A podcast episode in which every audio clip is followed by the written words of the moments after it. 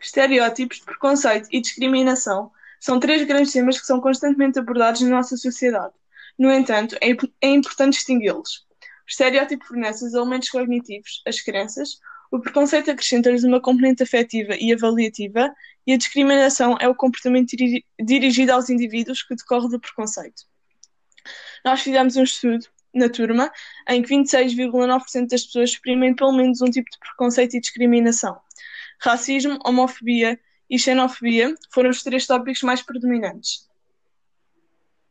Acho que vale a pena acrescentar também que é importante essas pessoas reconhecerem que têm dentro de si um preconceito ou uma discriminação, porque eu acho que é o primeiro passo para, para haver mudança, que é o reconhecimento, e só assim é que se pode alterar um, esta mentalidade.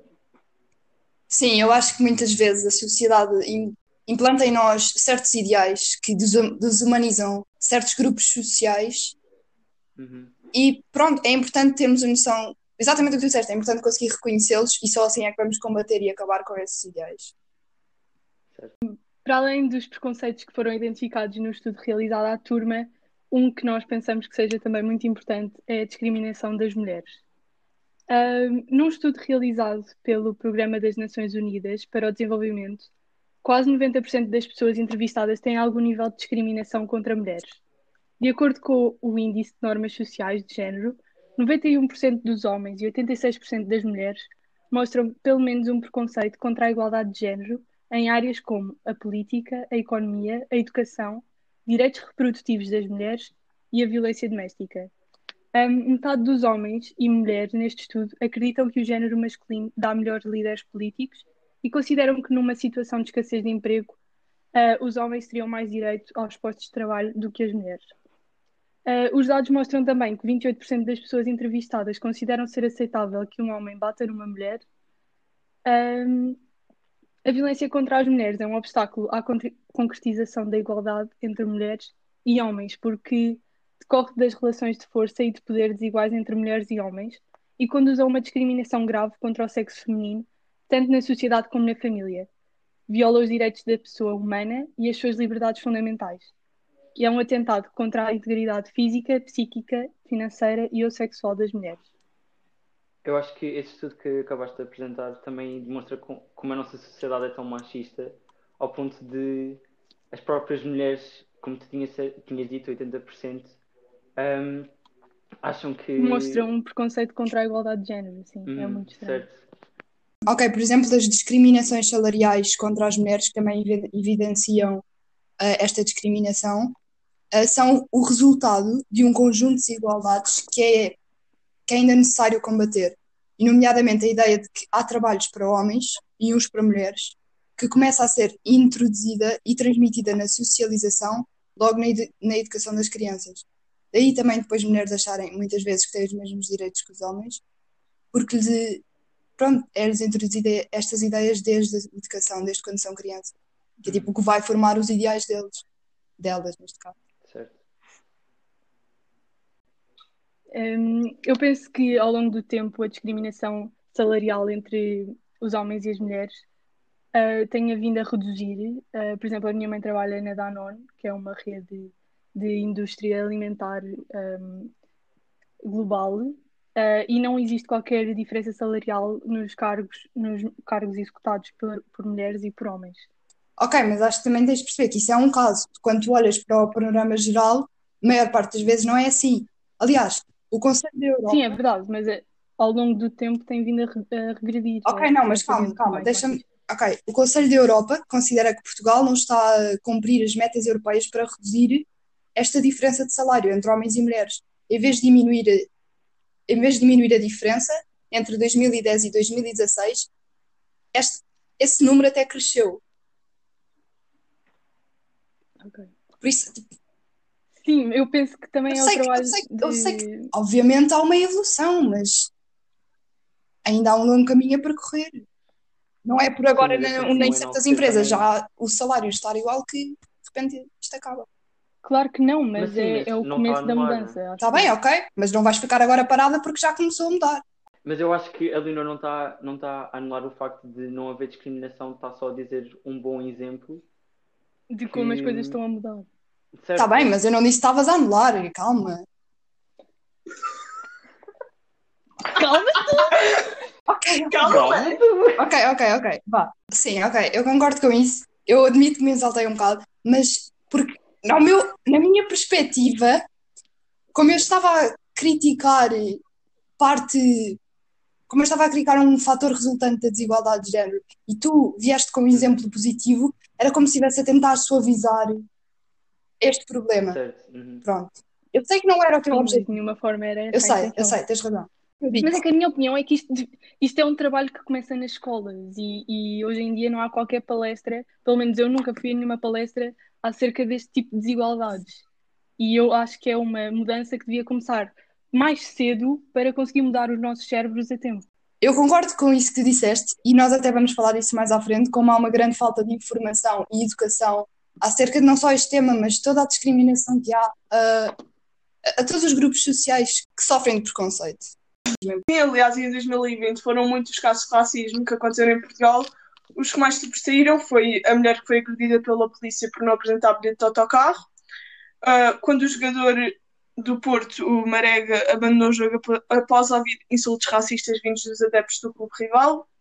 E o pior dos ataques talvez tenha sido quando o ator Bruno Candé foi assassinado. E o que eu achei muito interessante é que, eu não sei se vocês estiveram presentes nas redes sociais quando esses casos aconteceram, mas as pessoas tentaram sempre suavizar esses crimes, até com, eh, no caso do Bruno Can- Candé, acho que é assim o nome dele, ahm, com o caso do Bruno Candé, eh, tentaram suavizar o, o crime ao, ao dizer que era um senhor que metia música alta e que eh, impressionava as pessoas com- ao passear o seu cão.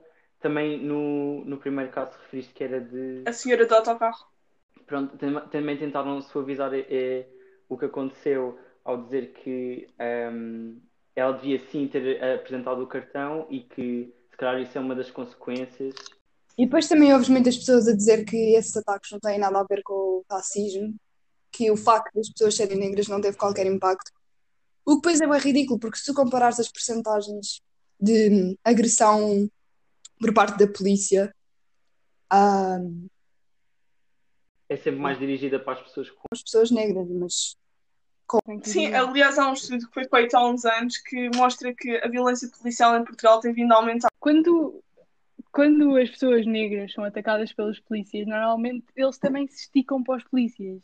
Mas os, os polícias também têm a tendência de usar eh, a sua, o seu cargo como desculpa ou tipo arma de violência eh, que possa ser desculpável, eh, porque têm sempre o argumento de estava estava tipo Era para defesa. sobre ameaça, então usei, yeah, usei por defesa. Mas não sei, normalmente também não, pode não ser sempre Tá bem, assim, mas- tu, há- Não há um medo que tu nunca vais ter como, como cidadão, como cidadã branca. Tu nunca vais ver um polícia e ter medo que ele te discrimine e depois que aconteça alguma coisa por causa do Sim, do é papel. verdade. Isso nunca vai acontecer. Sim, sim, Aliás, dos casos mais recentes foram as ameaças de morte enviadas a vários dirigentes antirracistas, entre eles Mamadou Ba, que é dirigente do SOS Racismo. Todos estes atos levaram a que a Rede Europeia contra o Racismo apelasse uma resposta in- institucional urgente, coi- coisa que os ativistas já tentavam fazer há algum tempo. O caso agora mais falado de, racismo nos últimos dias tem sido sobre a família real britânica, não sei se, se ah, mas que é uma família que sempre foi muito bem conotada aos olhos da, da opinião pública e apercebemos que afinal caracteres físicos e hereditários como a cor da pele atribuem, entre aspas, ahm, o direito de dominar ou mesmo de suprimir os outros ah, considerados inferiores. Ahm, o filho da Meghan foi excomungado da família porque a sua cor da pele podia ser muito escura para pertencer a esta família. Ah, eu acho isso interessante porque vai bastante contra aquela ideia que acredito que provavelmente vocês já ouviram que não existe racismo em Portugal. Outro grande problema presente na nossa sociedade é o racismo. Ah, o racismo geralmente está ligado com a ideologia de superioridade, onde pessoas que se identificam melhores do que as outras praticam este ato, rebaixando os outros indivíduos por causa da sua cor de pele, etnia, cultura ou crenças. Ah, em 2020 foi feita uma sondagem em que se concluiu que dois terços dos portugueses manifestam pelo menos uma forma de racismo.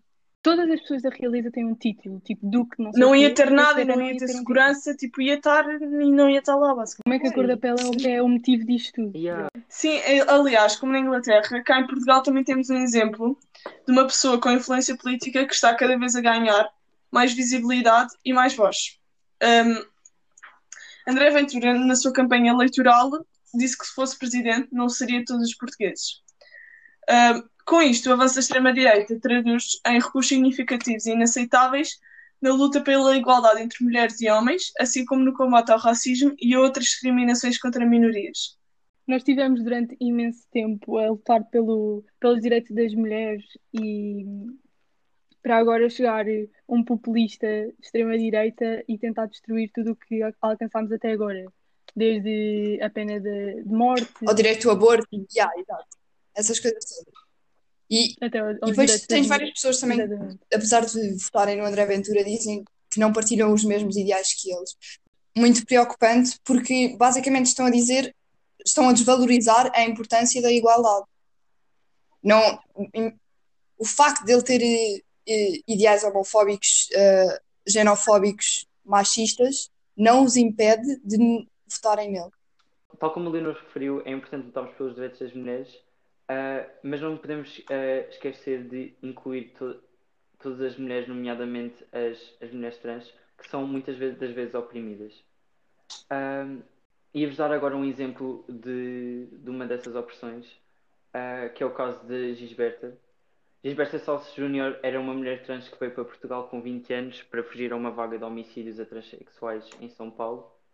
E ah, quando veio para Portugal começou a sua carreira a fazer shows de drag e mais tarde entrou na prostituição por precisar de dinheiro, tendo em conta que não podia arranjar outros empregos, entrou na prostituição. Ah, enquanto estava neste ramo, apanhou SIDA e isso impos- impossibilitou-a de continuar. Devido a isto, Gisberta ficou sem abrigo. Ah, infelizmente, esta mulher acabou morta num poço no Porto aos 45 anos, não por causa da sua doença nem por causa do seu estado económico, mas sim devido a vários eventos de agressões de rapazes entre os 12 e 16 anos. Muito resumidamente, este grupo de rapazes visitavam Gisberta para lhe humilhar verbalmente e agredir fisicamente no estabelecimento abandonado, onde a vítima tinha arranjado um abrigo. Ah, e para perceberem, a última vez que lhe bateram, o seu estado estava tão mau que a atiraram ao poço e pensavam que. Pois pensavam que ela já, tinha morrido. Ah, o mais chocante neste caso para mim foi o facto de, como na autópsia dizia que Gisberta tinha morrido de afogamento e não devido às agressões destes rapazes. Ah, isto causou com que o tribunal ah, tenha considerado a, a causa de morte por afogamento e cada jovem, devido a isto, sofreu no máximo 12 meses de educação e acompanhamento especial.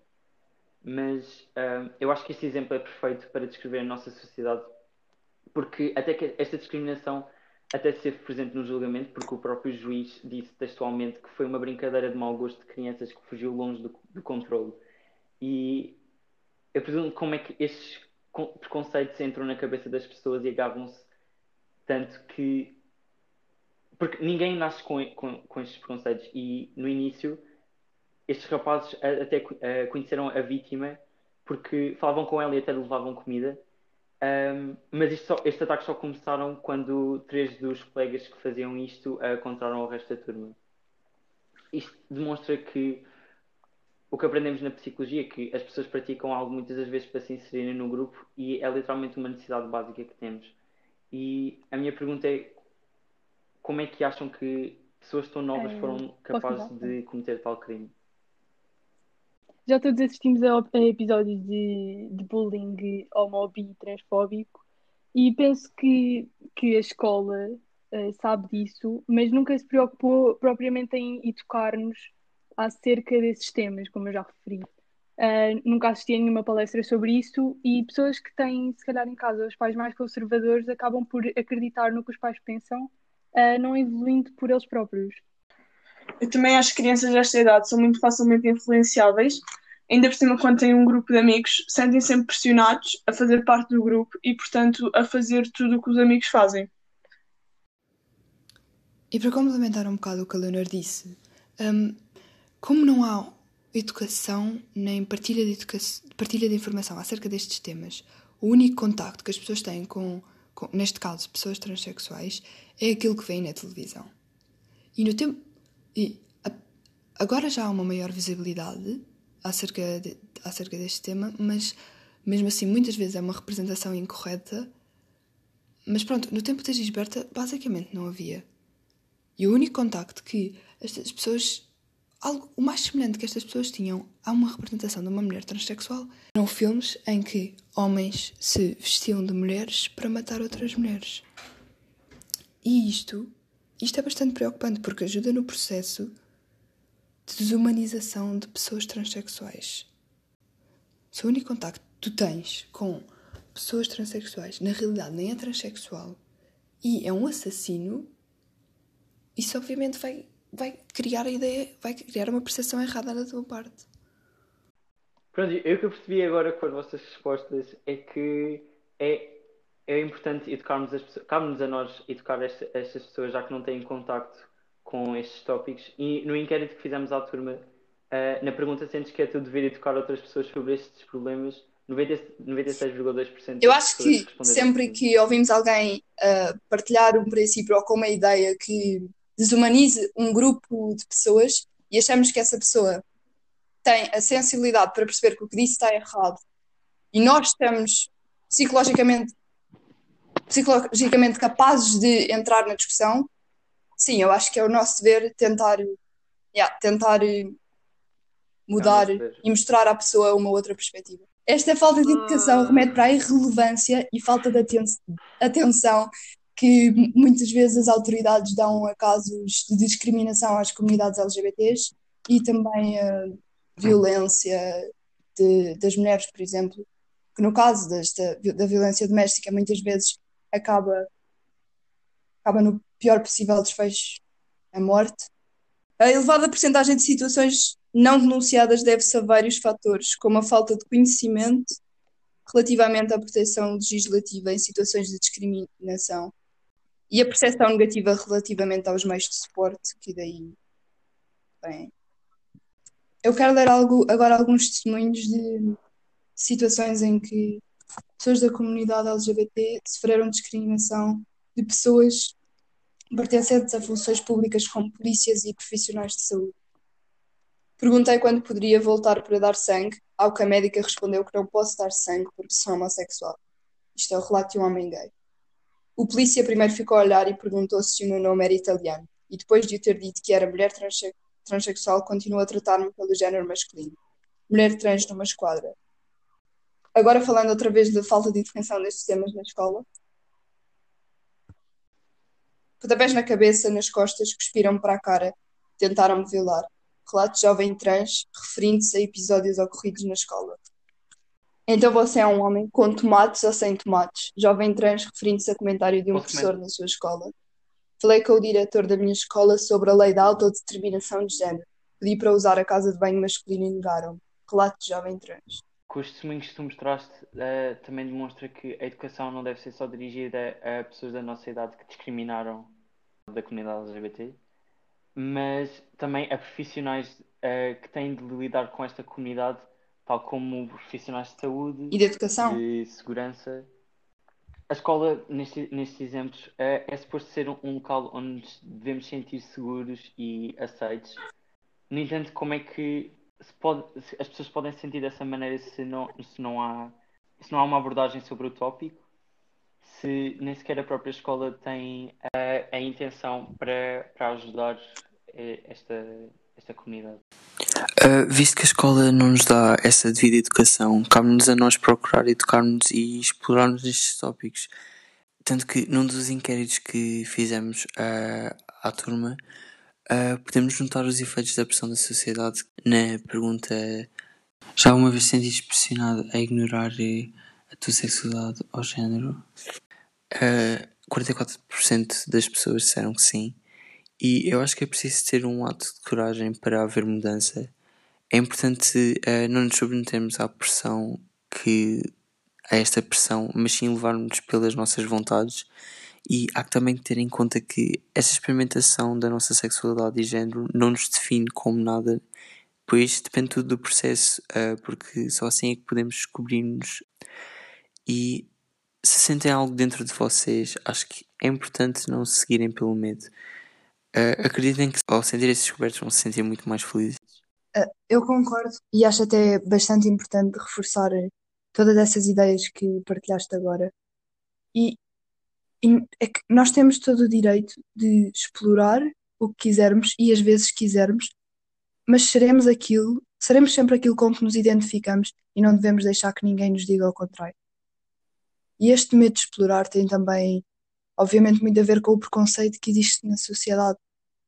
E como o Bernardo disse, é essencial procurar normalizar a transexualidade e todas as sexualidades que existem para além da heterossexualidade, porque na nossa sociedade está enraizada a ideia de que, de que isto são coisas anormais. Exato, será que vale a pena deixar as, uh, as ideias das outras pessoas limitar-nos?